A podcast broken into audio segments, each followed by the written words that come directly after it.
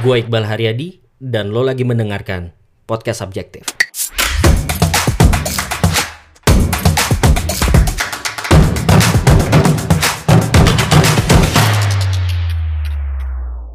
...14 September 2022 uh, Semoga lo sehat-sehat semuanya. Kali ini gue pengen bahas tentang Mungkin sebagian dari yang gue share kemarin Hari Sabtu itu gue ada diajakin sharing sama teman gue uh, Kurniawan Gunadi sama Alia. Uh, mereka punya program namanya Career Class uh, Career Class ini intinya kayak komunitas learning yang jalan selama satu bulan lo punya satu komunitas di situ belajar bareng tuh buat ngembangin karir lo.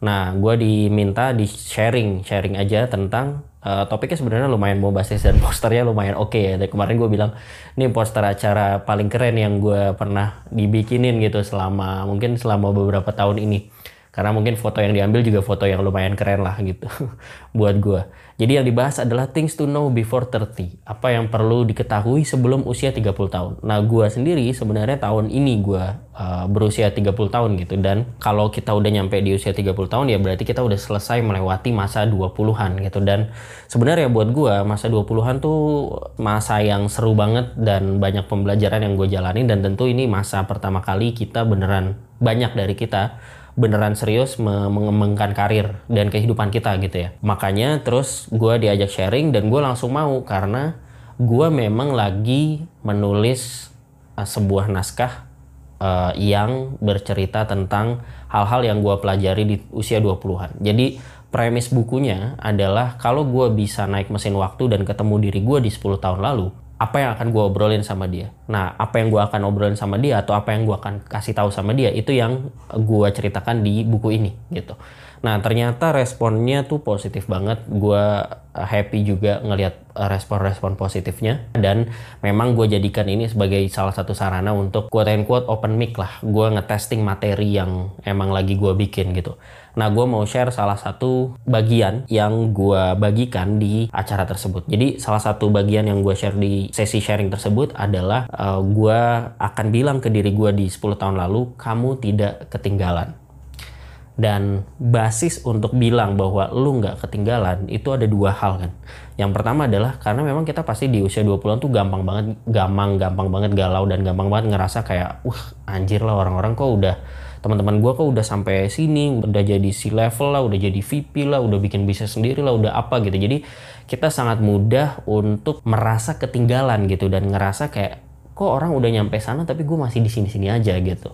Itu sebenarnya hal yang sangat wajar terjadi. Ketakutan-ketakutan yang sangat wajar terjadi di usia 20-an itu basis yang pertama. Basis yang kedua sebenarnya adalah data. Jadi kalau kita lihat data dan gue coba tampilkan data atau pola dari data-data yang bisa dicari yang bisa mensupport pernyataan bahwa kamu tidak ketinggalan. Ya, kemarin di antaranya yang gue share datanya adalah misalnya kita lihat tokoh-tokoh besar gitu. Kayak misalnya Bung Karno, Bung Hatta, dan Steve Jobs. Bung Karno ketika dia menjadi presiden, memproklamasi kemerdekaan gitu ya, tahun 45. Uh, kemudian Bung Hatta juga ketika dia jadi wakil presiden itu kita anggap sebagai salah satu pencapaian tertinggi dalam hidupnya gitu ya. Kemudian Steve Jobs ketika dia balik ke Apple. Nah, Bung Karno dan Bung Hatta itu ketika mereka proklamasi, Bung Karno itu 44 tahun, Bung Hatta 43 tahun. Kemudian Steve Jobs ketika dia didepak, ditendang dari perusahaan yang dia dirikan sendiri dipecat habis itu dia bikin perusahaan lagi. Ketika dia balik lagi Apple tuh balik lagi dengan inovasi-inovasi kerennya sampai muncul berbagai produk lah gitu ya iPhone dan lain-lain. Itu dia balik lagi ketika usia 42 tahun. Itu di Steve Jobs. Bung Karno 44 tahun Bung Hatta 43 tahun Steve Jobs pas balik lagi 42 tahun. Kemudian kalau misalnya lo lihat siapa sih tokoh-tokoh yang lagi dalam tanda kutip merajai atau memuncaki atau dia bisa dibilang ada di rantai teratas industri kita sekarang nih? Misalnya idola-idola anak muda. Misalnya ada Panji Pragiwaksono misalnya di stand up comedy Vincent Desta. Kemudian ada Najwa Shihab. Nah mereka-mereka ini usianya berapa sih sekarang Jadi kalau kita lihat Panji Pragiwaksono itu 43 tahun. Terus Desta itu 45 tahun, Vincent 42 tahun, kemudian Najwa Shihab 44 tahun. Terus ini kita agak lompat lagi deh kalau gua sebagai muslim gitu ya salah satu pak ya tentu panutan gua adalah uh, Nabi Muhammad SAW. Jadi Nabi Muhammad SAW itu diangkat sebagai rasul itu di usia 40 tahun gitu. Jadi sebenarnya dari berbagai data-data ini kita bisa lihat ada pola di usia 40 tahun. Selain itu, ada juga data dari HBR gitu yang uh, dia membuat riset tentang pebisnis gitu, pebisnis di US. Jadi uh, pebisnis itu atau se kesuksesan sebuah startup itu ternyata secara data itu rata-rata average successful uh, founder startup itu di usia 40 5 kalau gue nggak salah. Gue lupa persis ya nanti gue tampilin. Jadi lebih banyak bisnis atau startup yang sukses ketika foundernya itu di usia 40-50 tahun gitu. Dibandingkan dengan usia 20 tahun. Bahkan sebenarnya ada tweet juga gue pernah lihat kapan usia-usia ketika bisnis founder-founder ini uh, launching bisnisnya. Jeff Bezos itu pas usia 30 tahun, Oprah Winfrey pas usia 32 tahun, Netflix, Reed Hastings itu mulainya ketika 36 tahun dia udah pernah punya bisnis-bisnis sebelumnya dan ada banyak yang gagal dia bikin Netflix uh, melejit gitu ya. Terus uh, Eric Iwan yang bikin Zoom itu usianya 41 tahun ketika dia bikin Zoom. Uh, Sam Walton ketika bikin Walmart 44 tahun dan lain-lain seperti yang lo lihat di tweet. Nah, tapi poinnya adalah ada sesuatu yang menarik dengan usia 40 tahun.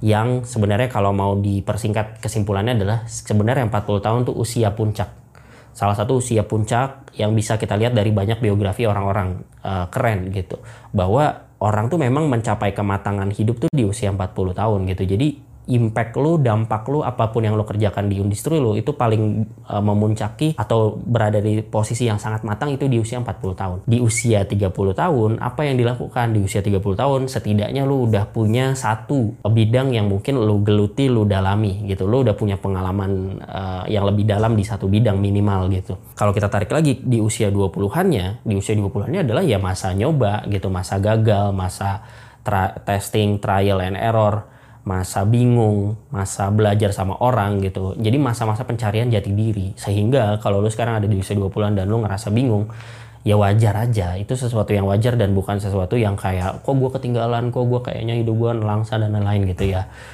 Sebenarnya kalau ngelihat pola-pola tadi, kita masih membayangkan hidup kita akan sampai panjang dan mungkin kita mencapai puncak dampak yang bisa kita buat itu di usia 40-an dan itu sih yang gue percayai gitu. Sehingga framing kita terhadap hidup jadi bisa berubah nih gitu. Bahwa kalau gue mau me memanen kesuksesan atau dampak besar yang bisa gue ledakan di apa pun yang gue kerjakan itu nanti di usia 40-an di usia 20-an sekarang adalah waktunya gue untuk mencoba banyak hal mencoba berani gagal uh, belajar sama orang dan jadi masa-masa yang untuk bingung dan pencarian jati diri gitu Nah itu sih yang mungkin pada akhirnya balik lagi ke tadi. Jadi lo nggak ketinggalan, tapi lo baru aja mulai. Itu mungkin salah satu hal yang salah satu hal terbesar yang gue pelajari gitu ya eh, dari menjalani usia 20-an dan tentu ada banyak lagi yang bisa gue share nanti. Mungkin kita perlu share di eh, episode-episode uh, yang lain. Nah makanya gue ingat salah ada salah satu pendengar podcast juga uh, yang email gue dan yang unik adalah yang email ini adalah orang yang usianya justru jauh di atas gua gitu. Dia usianya di usia 37 tahun.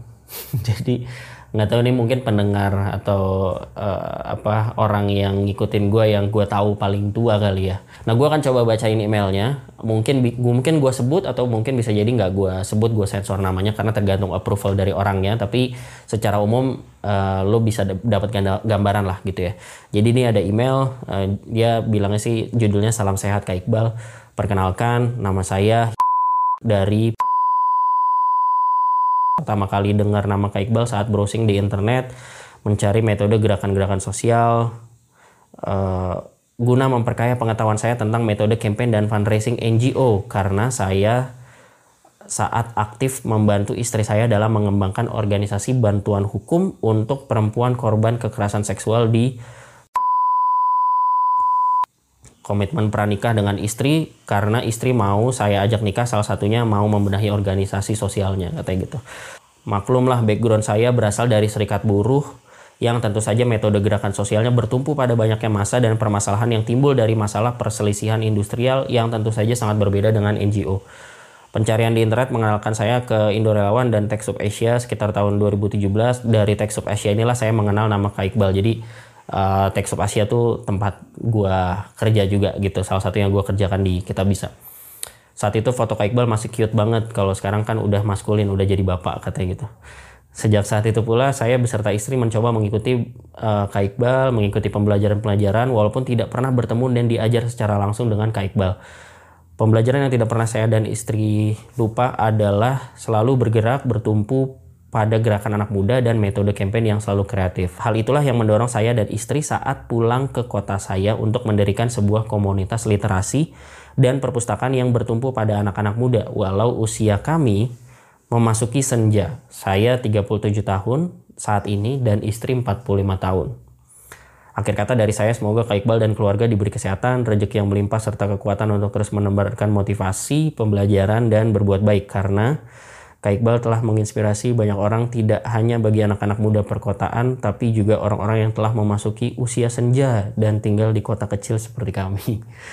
gitu. Itu emailnya dan gue agak kaget karena dia bilang usianya 37 tahun dan bilang usia senja menurut gue masih jauh sih sebenarnya kalau secara peta ya dari usia senja gitu. Karena kalau kita ngomongin usia, kalau kita ngomongin pola ya umatnya Nabi Muhammad SAW usianya sampai 60 tahun lah rata-rata gitu ya. Secara teori di atas kertas tentu tergantung izin Allah juga gitu. Tapi sebenarnya kalau orang gue karena gue sering lihat juga ya video-videonya Gary V uh, dia sering banget bilang kayak usia lu berapa? 40 tahun. Gue telat gak sih kalau gue baru mulai 40 bisnis 40 tahun? Gue telat gak sih kalau gue main TikTok di usia 50 tahun? Dia bilang kayak bahkan di usia 40 50 tahun tuh nggak ini baru mulai banget gitu. Bahkan untuk usia 40 50 tahun gitu. Apalagi buat kita-kita yang masih usia 20-an gitu. Makanya gue senang banget dan thank you juga buat uh, Mas yang udah kirim email gue jadi tahu bahwa punya teman yang ada di kota dan happy sih terima kasih buat doa baiknya. Gerakannya keren gitu dan menurut gue ini bisa jadi inspirasi juga buat teman-teman yang dengerin yang usianya masih 20-an 30-an ya lu bisa kejar apa pun yang lo inginkan yang yang lo rasa sesuai dengan value lo dan tidak ada kata terlambat gitu lo nggak ketinggalan sama sekali. Balik lagi ke tadi kamu tidak ketinggalan uh, kamu tidak tersesat kamu hanya baru mulai. Kayaknya itu aja eh, episode kali ini. Uh, mudah-mudahan bisa bermanfaat buat lo dan um, karena gue udah bocorin di episode ini ya tungguin aja uh, buku terbaru gue mudah-mudahan sih gue kejar banget naskahnya selesai sebelum tahun ini karena emang niatnya buat menutup usia 20-an gue itu si buku ini keluar gitu. Jadi benar-benar momentumnya tuh ketika gue berusia 30 tahun gue ngasih wejangan ke diri gue di usia 20 tahun berupa buku ini gitu. Tungguin aja uh, mudah-mudahan segera keluar. Dan uh, thank you. I'll see you in the next episode and please be subjective